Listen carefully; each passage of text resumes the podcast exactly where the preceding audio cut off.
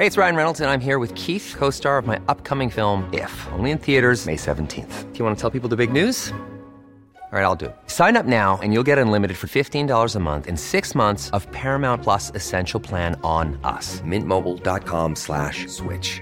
Upfront payment of $45 equivalent to $15 per month. Unlimited over 40 gigabytes per month. Face lower speeds. Videos at 480p. Active Mint customers by 531.24 get six months of Paramount Plus Essential Plan. Auto renews after six months. Offer ends May 31st, 2024. Separate Paramount Plus registration required. Terms and conditions apply if rated PG. Hiring for your small business? If you're not looking for professionals on LinkedIn, you're looking in the wrong place. That's like looking for your car keys in a fish tank. LinkedIn helps you hire professionals you can't find anywhere else, even those who aren't actively searching for a new job but might be open to the perfect role. In a given month, over 70% of LinkedIn users don't even visit other leading job sites. So start looking in the right place. With LinkedIn, you can hire professionals like a professional. Post your free job on linkedin.com slash people today. Millions of people have lost weight with personalized plans from Noom. Like Evan, who can't stand salads and still lost 50 pounds. Salads, generally, for most people, are the easy button, right? For me, that wasn't an option. I never really was a salad guy. That's just not who I am. But Noom worked for me. Get your personalized plan today at Noom.com. Real Noom user compensated to provide their story. In four weeks, the typical Noom user can expect to lose one to two pounds per week. Individual results may vary.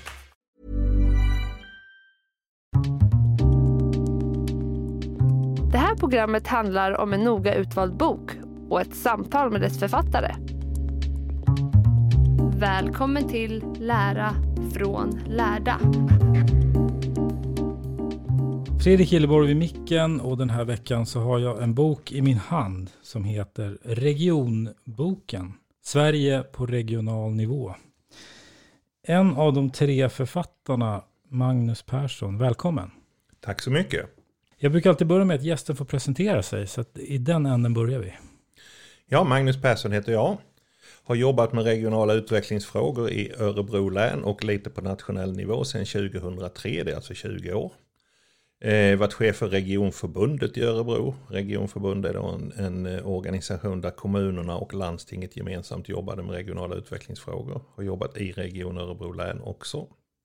Har skrivit en del, förutom den här boken, så har jag skrivit en del policyskrifter för Sveriges kommuner och regioner som handlar om hur regionen ska eh, ta sig an det här uppdraget som är ganska nytt. Det kom ju till första gången kan man säga slutet på 90-talet i Skåne och Västra Götaland när man drog igång regionbildningen där. Mm. Och om man börjar så här då, för kommuner känner ju alla till. Man har kanske någon typ av relation Mm. till sin kommun. Mm. Staten känner man alla till, eller de nationella politikerna ser vi ofta. Regionerna är ju betydligt mindre, och gemene man, mindre, mer diffust. Tycker jag, det är i alla fall min hypotes. Ja men så är det. Och det tror jag är en av anledningarna till att jag och Jörgen och Agneta, tyvärr avled Agneta för ett år sedan så hon finns inte med oss längre. Men hon var med i början på den här boken och det är vi jätteglada för. Det var egentligen hennes initiativ. Så att Jörgen och jag försöker hedra henne genom att skriva färdigt det här. Eh, det var egentligen en av anledningarna och framförallt Jörgen och Agneta som då är, är verksamma i, i universitets och, och högskolevärlden. De såg att det saknades en lärobok på grundnivå om den regionala samhällsnivån. Och jag som praktiker tillsammans med mina kollegor jobbat ihop eh, i ett nätverk på SKR under många år. Såg ju också att det fanns egentligen ingen stabil, tung, lite tyngre skrift runt de här frågorna. Utan det fanns lite här och lite där, lite antologier och sådär. Men den här bredare penseln att synliggöra, vad gör staten, vad gör ja, regionerna, det som tidigare hette landsting, vad gör kommunerna tillsammans?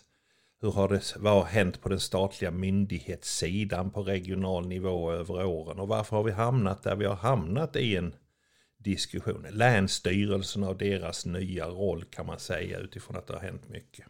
Så det är lite grann därför vi har skrivit boken. Vi tycker att, att det, det fanns en lucka i kurslitteraturen på grundnivå för statsvetare och kanske kultur och samhällsgeografer i första hand. Men om vi börjar med att sätta kartan, eller på att säga. Men, Så man får en, en bild då, för den som inte vet. Det finns 21 regioner Det finns 21 i regioner, ja. idag, som Ja. är, och de är indelade efter, alltså uppdelade efter geografi. Ja, och de är uppdelade på samma sätt som länen. Alltså det är ju länen kan man säga. Regionerna har samma geografi som länen. Eh, och det har också länsstyrelserna. Men det är den enda statliga myndigheten som idag har länen som indelningsgrund. Så man kan mm. säga att det finns regioner som är politiskt styrda. Du går till val, du går till väljer ditt regionfullmäktige som du gjorde i september här i fjol. Det som tidigare hette landstingsfullmäktige. Mm. Eh, medan länsstyrelserna är ju en utlöpare av den centrala statsmakten med ytterst landshövding och länsråd och, och liksom en förvaltningsstruktur som bygger på en, ska vi säga, en, ja, statlig myndighetsstruktur. Mm. Så där finns ju egentligen inget medborgarinflytande direkt. Det kommer ju ändå upp till riksdagen. Länsstyrelsen är tjänstemän som utför ett uppdrag.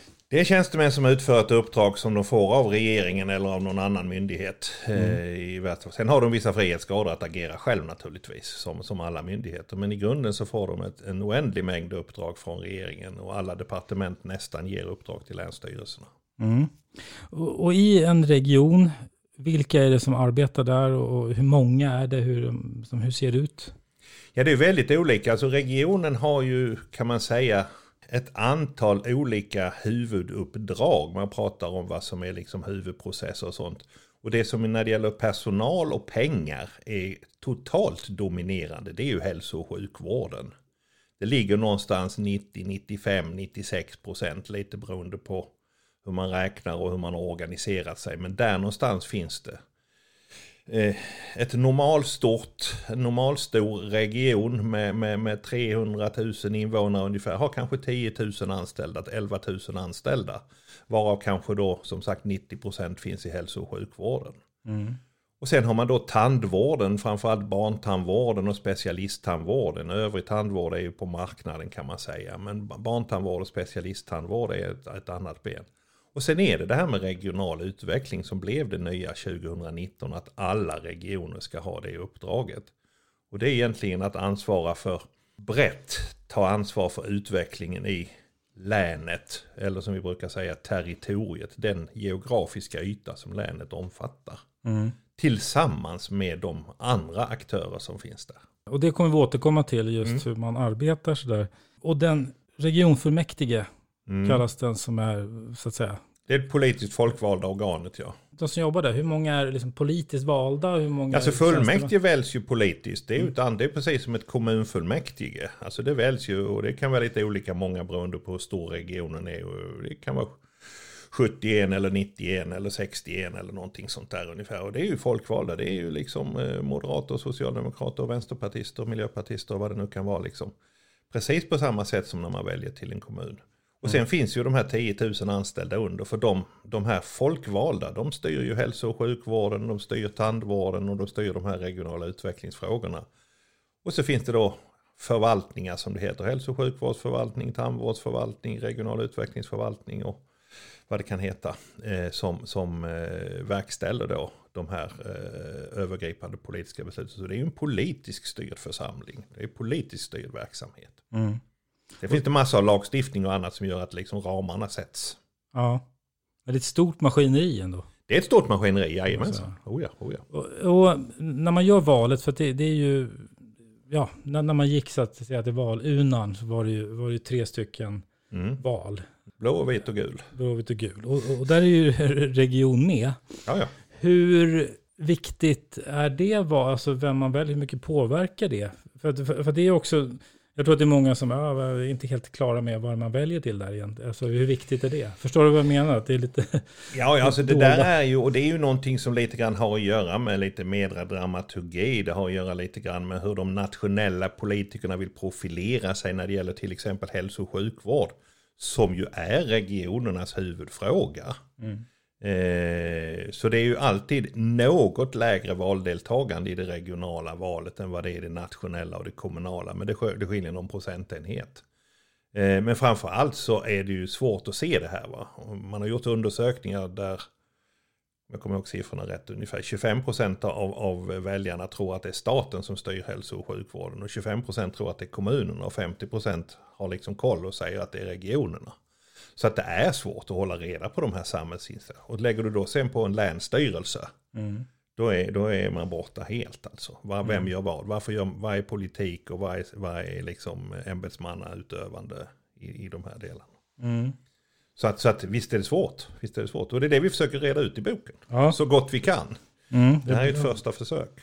Eh, verkligen. Eh, och just det, och du har ju redan nämnt det, men de eh, regionerna, de hette tidigare landsting. Så kan man säga, ja. Formellt Ja. sett så är det så, ja. Ja. Eh, och i och med att man ändrade så ändrades också uppdraget. Här, liksom.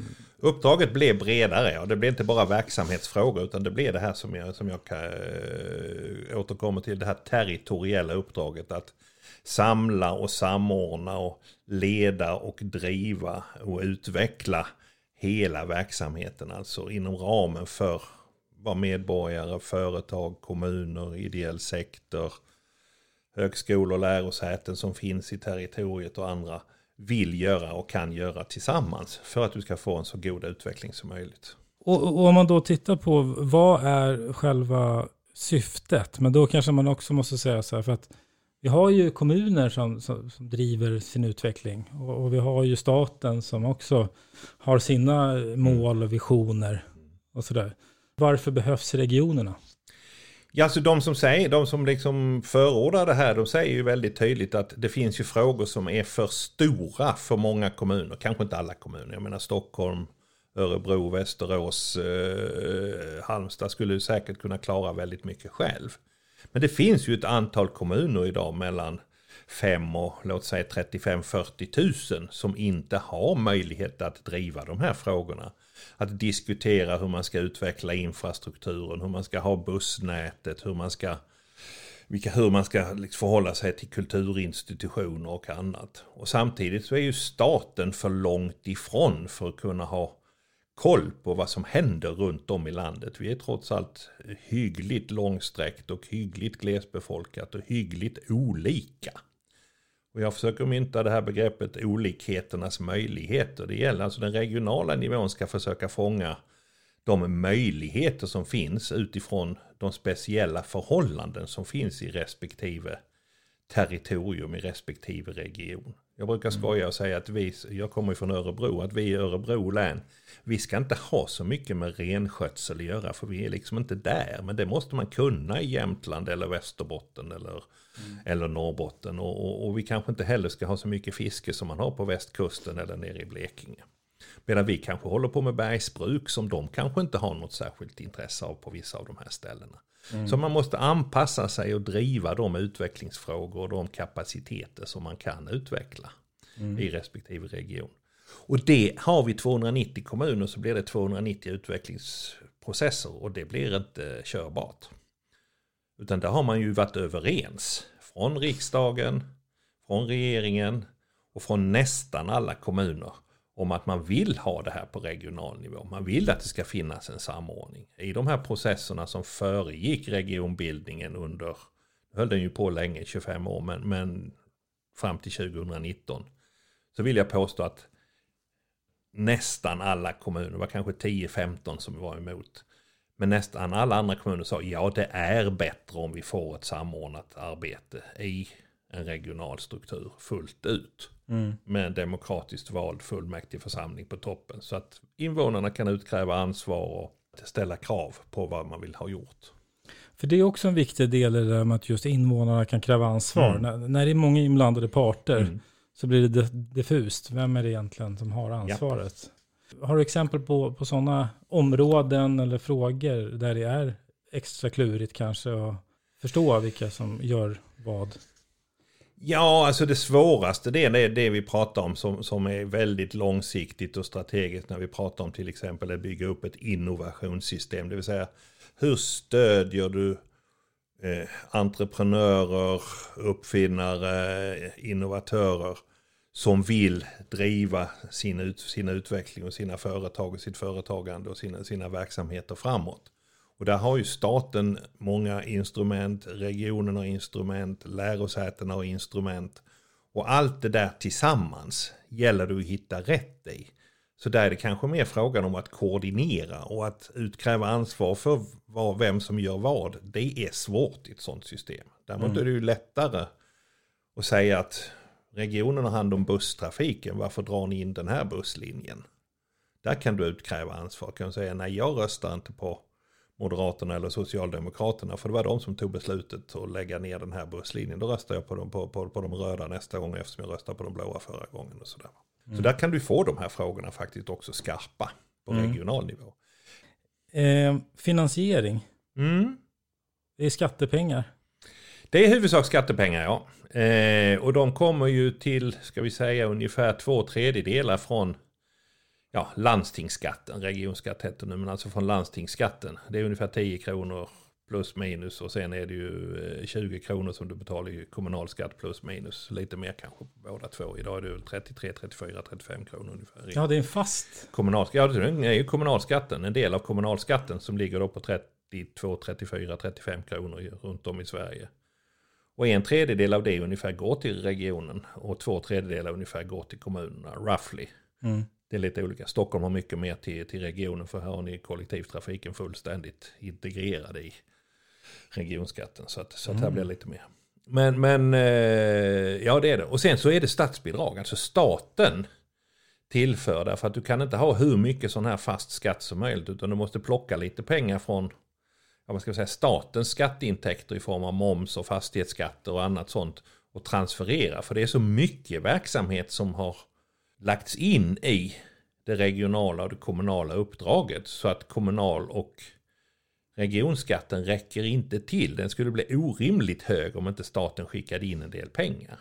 Och den finansieringen är ju ibland ganska mycket ifrågasatt i vissa delar. För man har både ett allmänt bidrag, ett generellt bidrag där man säger ni behöver pengar, ni får de här pengarna. Men vi vet att det är ni som bestämmer vad ni ska göra av dem. Hur ni ska organisera verksamheten på så bra sätt som möjligt. Men sen sitter regering och riksdag, framförallt regeringen, och säger också vissa saker. Ja, ni ska ha vissa saker. Vi styr er verksamhet genom statsbidrag. Ni får söka pengar för att utbilda undersköterskor eller ha en viss personaltäthet på dagis i kommunerna eller sådana här saker. Och det är ju kommun och region-Sverige inte så imponerade av. För då tycker man ju liksom att man kliver in och toppstyr. Precis, man kliver in och toppstyr. Något som är otroligt varierat över landet. Och framförallt de som har gjort hemläxan och tycker att man har varit duktig. Och så får man inga pengar medan de som kanske inte har skött sig får pengar för att de ska kunna komma ikapp. Mm, mm. Och då blir det ju lite gnissel i systemet. Så att det här med specialdestinerade statsbidrag som det heter, det är någonting som Sveriges kommuner och regioner oavsett regering har varit och oavsett majoritet i SKR har väldigt mycket synpunkter på. För just det här flernivåstyre, ska det vara ett flernivåstyre så måste du kunna ta och få styra på regional nivå och kommunal nivå då ska du inte bara jobba som en underentreprenör till staten. Nej, precis. Utan då måste du kunna få fatta dina beslut. Så att väljarna kan utkräva ansvar. Man vet ju inte om det är Acko Ankarberg eller regionrådet med ansvar för hälso och sjukvård som har bestämt om det är så att det kommer pengar för att man ska ha en viss bemanning på ett BB. Och att man därmed måste lägga ner någonting annat. Så att det blir knepigt. Ja, om man pratar makt och, och påverkan. Mm dels kan man ju förstå, man kollar liksom från, från staten, så man kollar från nationella politiker, från regeringen, de vill ju få saker gjort, de vill driva igenom sin politik. Det, det perspektivet så vill ju mm. de vara inne och kunna styra. Och från kommunernas håll vill ju också kunna få saker gjort. Eh, och regionerna också. Och ni, ni, tar ju upp det på olika sätt med olika frågor, att det, att det är väldigt många inblandade. Mm. Vad innebär det här i praktiken? Vem bestämmer egentligen?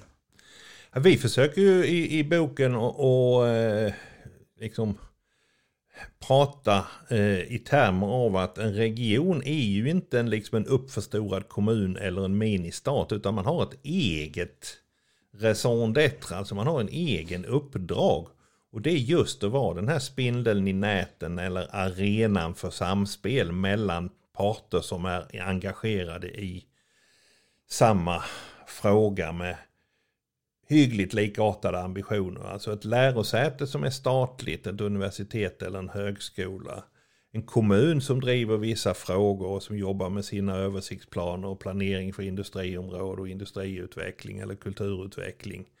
Eh, andra statliga organ som jobbar med, med, med, med, med kulturmiljöfrågor eller vad det kan vara. Att få de här att jobba tillsammans och få fram, det handlar väldigt mycket om långsiktiga strategier men sen ska de genomf- som ska genomföras. Eh, och då ska man ta fram de här planeringsdokumenten. Och en del tycker ju liksom, ja det är väldigt mycket planering. Ja men utan, utan, utan planer ingen aning heller va.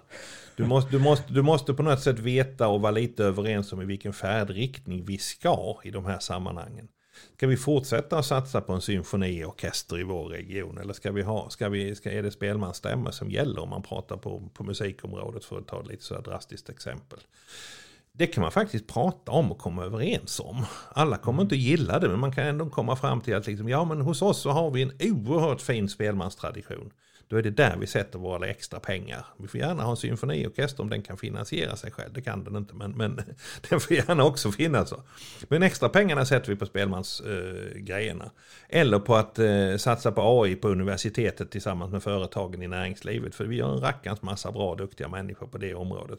Eller så satsar vi på, på eh, plastteknik eller någonting annat istället. Det kan, alltså, mm. Den typen av strategiska vägval kan man göra utifrån hur det ser ut i respektive region region. Mm. Och det kan du inte göra från nationell nivå. Så därför är det här många gånger det här med makten och likriktningen. Jag säger att många saker ska vara lika över landet. Vi har ju inga diskussioner om att vi borde ha olika barnbidrag i olika län. Utan det är lika. Det ska vi ha lika.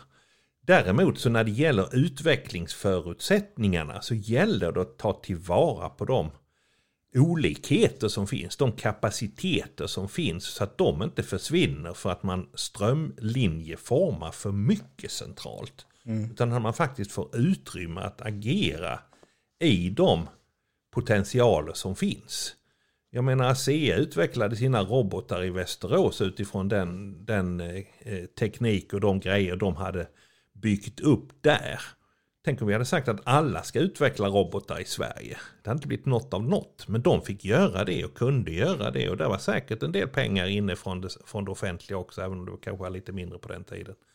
Men, men för, för att ta ett exempel. Och så mm. håller vi på idag också ju med AI. Vi håller på med som sagt med materialkunskap. Och vi har Borås som textilcentrum med väldigt innovativa frågor när det gäller eh, det. Ja, Norrköping med sina pappersbruk och sitt intelligenta papper papper och liksom man tar tillvara på de förutsättningarna. Hade man sagt att i Borås ska ni jobba med intelligent papper så hade de inte begripit vad det var. Men i mm. Norrköping kan man sånt. Mm. Och tvärtom. Och därför måste man ta tillvara olikheternas möjligheter som jag brukar säga.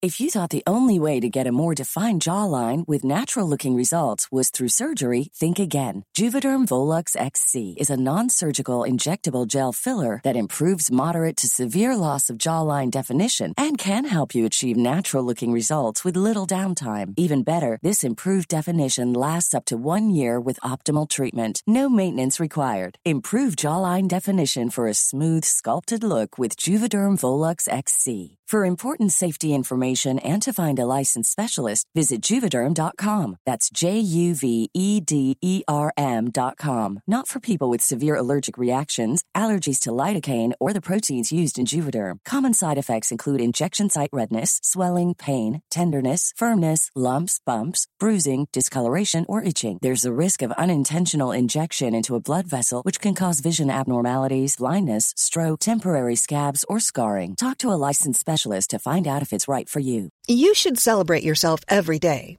but some days you should celebrate with jewelry. Whether you want to commemorate an unforgettable moment or just bring some added sparkle to your collection, Blue Nile can offer you expert guidance and a wide assortment of jewelry of the highest quality at the best price. Go to BlueNile.com today and experience the ease and convenience of shopping Blue Nile, the original online jeweler since 1999. That's Bluenile.com. Bluenile.com. Burrow is a furniture company known for timeless design and thoughtful construction and free shipping, and that extends to their outdoor collection. Their outdoor furniture is built to withstand the elements, featuring rust proof stainless steel hardware, weather ready teak, and quick dry foam cushions. For Memorial Day, get 15% off your Burrow purchase at burrow.com slash ACAST and up to 25% off outdoor. That's up to 25% off outdoor furniture at burrow.com slash acast. Man hör att du har jobbat inom det här och liksom brinner för regionernas perspektiv. Ja, men det, det låter ju logiskt och bra att man tar vara på. Mm. Men, men har du exempel på det när man kanske kommer från nationellt håll och säger att nu, nu måste alla göra så här. Som inte, som inte liksom regionen riktigt håller med om. Vi har haft några sådana exempel över åren. Eh, jag tycker att det har blivit mycket bättre och till exempel så har ju, har ju Tillväxtverket har ju förändrat sig väldigt när det gäller de här frågorna. Man har mycket större lyhördhet idag. Vinnova är också en sån myndighet som har en förståelse för det här på ett helt annat sätt än man hade tidigare.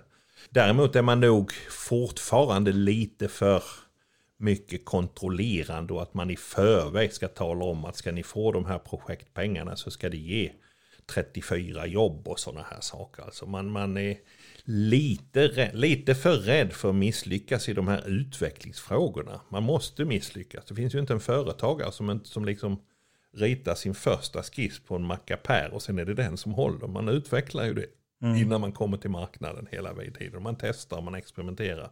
Och det kostar pengar och ibland så är man i en återvändsgränd. Då får man backa och börja om. Eh, vi har haft några sådana saker där man har eh, ett exempel som jag kommer på nu var att vi hade redan byggt upp en väldigt bra verksamhet tillsammans med Almi-bolaget i Örebro när det gällde kvinnligt företagande.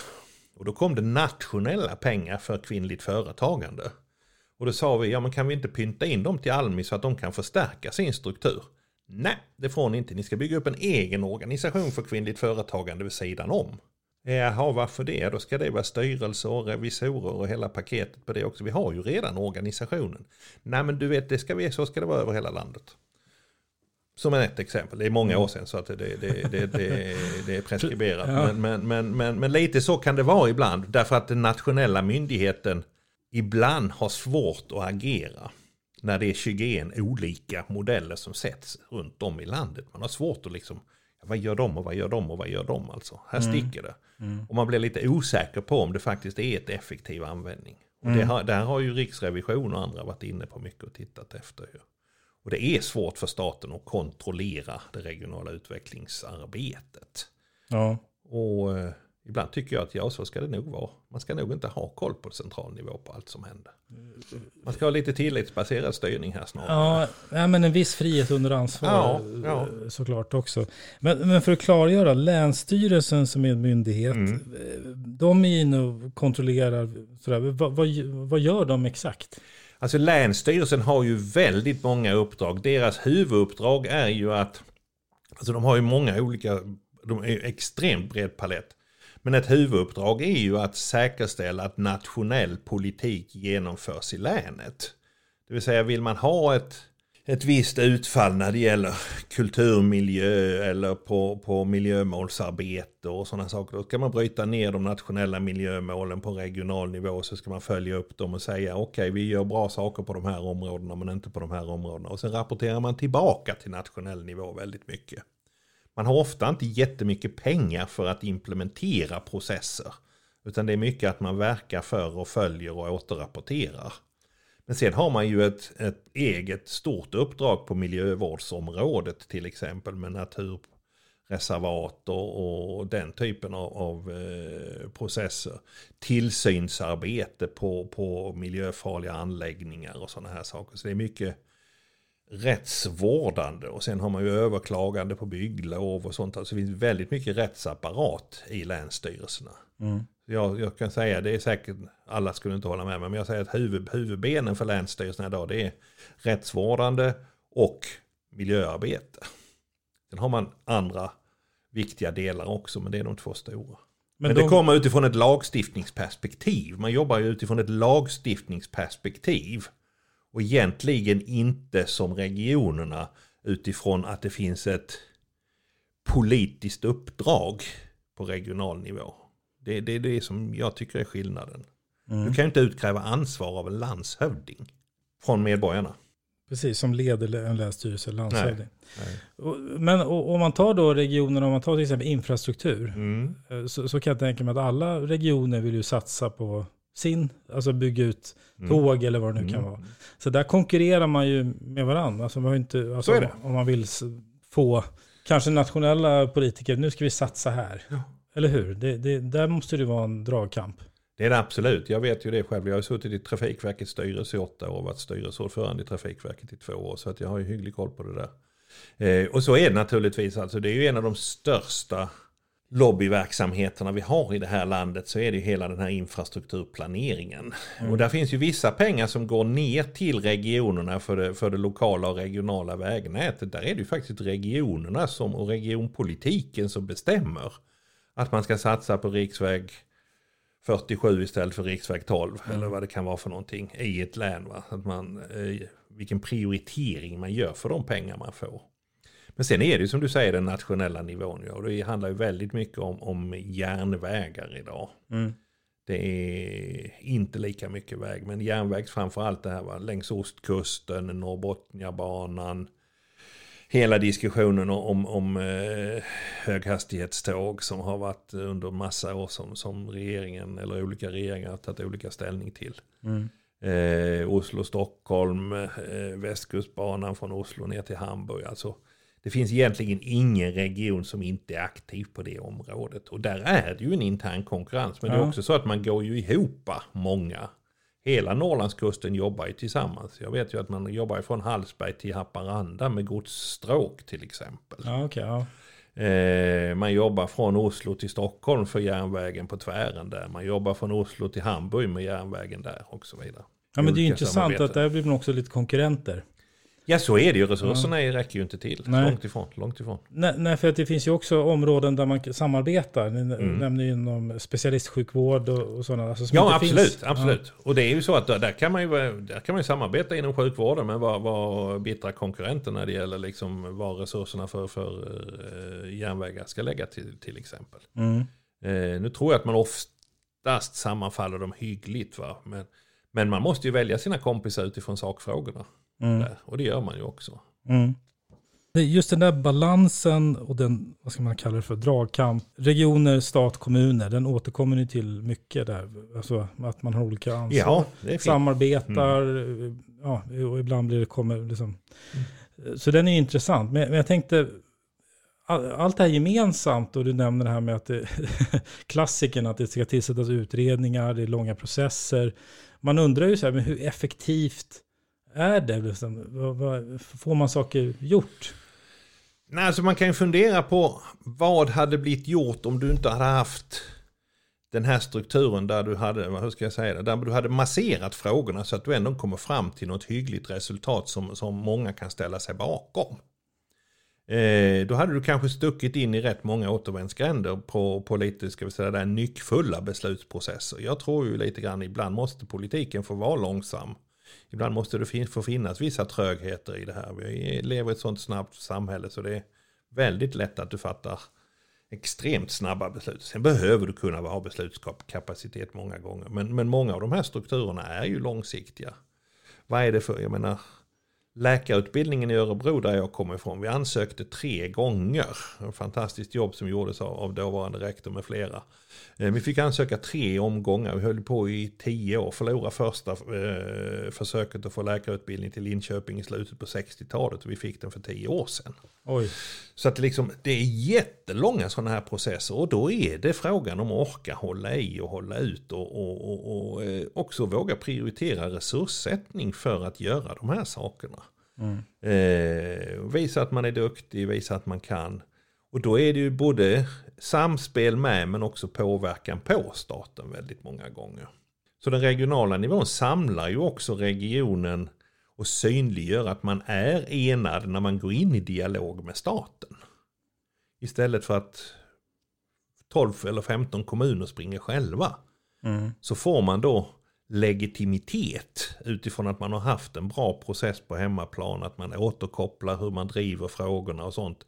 Att företräda nationellt och kanske på EU-nivå också ibland. Så det är också en roll som man får från, från den regionala nivån. Men just makten mellan den regionala och den nationella nivån är en genomgående fråga i boken och det är ju någonting som de här 50 utredningarna jag nämnde hela tiden har varit in och tassat i.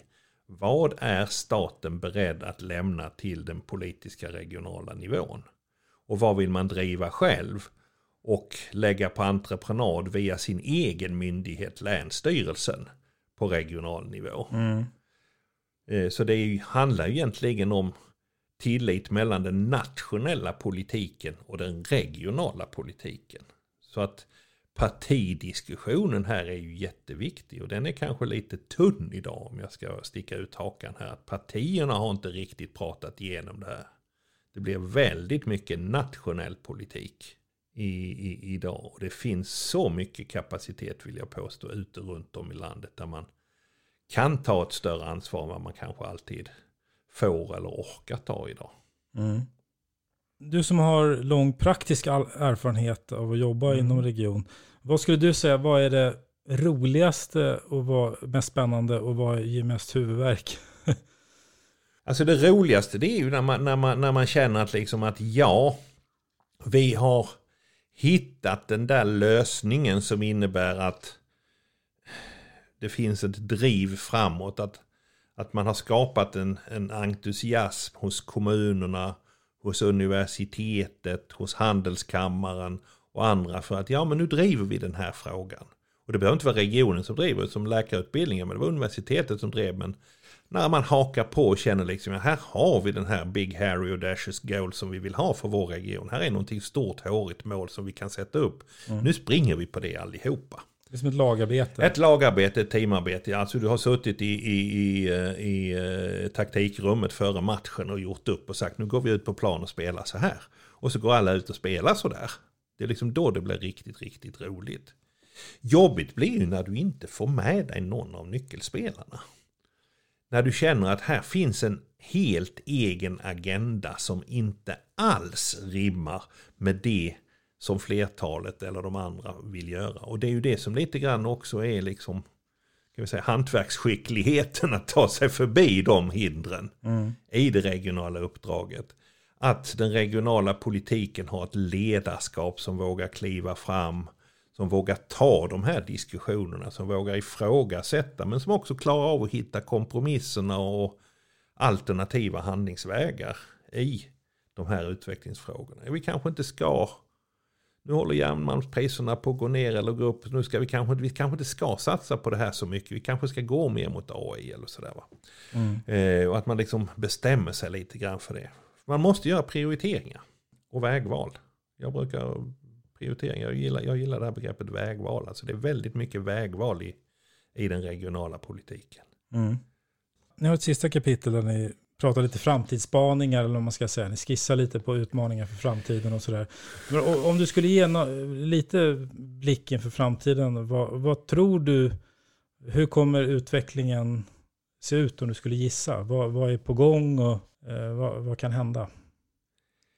Alltså, då skulle jag egentligen vilja lägga en utmaning här för att jag tror det handlar väldigt mycket om hur de som är förtroendevalda på regional nivå står upp för sitt uppdrag. Vill man ha det här uppdraget fullt ut? Man har slåtts för det i 30 år. Nu blev det inte riktigt som det var tänkt. Det blev inte de stora regionerna typ Skåne, Västra Götaland, Stockholm. De tre länen har ju idag en bra bit över Sveriges, hälften av Sveriges både befolkning och riksdagsledamöter och alltihopa. Eh, utan det blev på ett annat sätt. Men står man upp för det, tar diskussionerna i sina partier så tror jag att man kan få ut väldigt mycket på regional nivå. Jag tror att det kommer att bli många frågor som avgörs i större geografier. Det är inte säkert att man tar det hela vägen till läns eller regionsammanslagningar. Men i och med att staten nu går före och organiserar sig större så måste regionerna samarbeta ännu tajtare i många frågor. Infrastruktur, kultur, eh, beredskapsfrågor och annat sånt. Eftersom staten har, du måste kunna matcha staten helt enkelt. Det. Så där tror jag. Sen är en nyckelfråga som du var inne på, det är ju liksom, var landar hälso och sjukvården? Det är ju en extremt snabb utveckling när det gäller kunskapsutvecklingen där. Och det gör ju att resurserna är ju alltid otillräckliga. Och det är ju också så att ibland så blir det ju så olyckligt när man ställer hälso och sjukvården mot all annan verksamhet i regionerna. Man säger ja vi har ju inte ens en gång råd med hälso och sjukvård. Varför ska vi hålla på med kultur? Varför ska vi hålla på med så mycket bussar? Varför ska vi hålla på med så mycket eh, ja, eh, kunskapsfrågor på annat sätt och sånt där. Vi, Mm. gör bara, vi gör bara hälso och sjukvård. Ja, då får man fundera på vad, vad, vem gör då det andra? Mm. Vad är alternativet? Alltså ofta tänker, måste du tänka den, det steget också, vad är alternativet? Jag tror ju att det finns ett utrymme för regionerna framöver, men man måste få en ännu aktivare politisk nivå. Vi har varit många tjänstemän som har drivit de här frågorna under många år, men vi måste få upp ett ännu, ännu ska vi säga, starkare politiskt tryck i att man vill driva de här frågorna och att man kan driva de här frågorna. Då tror jag att regionerna finns kvar. Mm. Eh, sista frågan. Förutom att läsa boken, har du någon rekommendation till den som lyssnar vad det gäller ämnet? Eh, den som vill följa de här frågorna ska, ska löpande och ha lite smått intresse av det. Tycker jag ska prenumerera på, på Sveriges kommuner och regioners nyhetsbrev regional utveckling. För då får man lite grann droppat till sig en gång i månaden ungefär om vad som händer på det här området. Eh, har man läst boken, tagit till sig det som står där så kommer man ha god behållning av det nyhetsbrevet och då vet man ungefär vad som händer i Region Sverige framöver. Bra tips. Tack för att du var med. Jättetrevligt, tack ska du ha.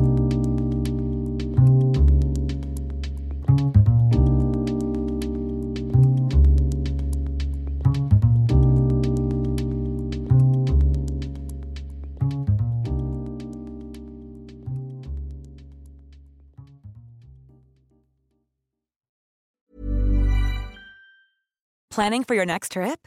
Elevate your travel style with Quince. Quince has all the jet setting essentials you'll want for your next getaway, like European linen, premium luggage options, buttery soft Italian leather bags, and so much more. And is all priced at 50 to 80% less than similar brands. Plus, Quince only works with factories that use safe and ethical manufacturing practices. Pack your bags with high-quality essentials you'll be wearing for vacations to come with Quince. Go to quince.com slash pack for free shipping and 365-day returns. Imagine the softest sheets you've ever felt. Now imagine them getting even softer over time. That's what you'll feel with Bowl and Branch's organic cotton sheets. In a recent customer survey, 96% replied that Bowl and Branch sheets get softer with every wash. Start getting your best night's sleep in these sheets that get softer and softer for years to come. Try their sheets with a 30-night guarantee. Plus, get 15% off your first order at bowlandbranch.com. Code BUTTERY. Exclusions apply. See site for details.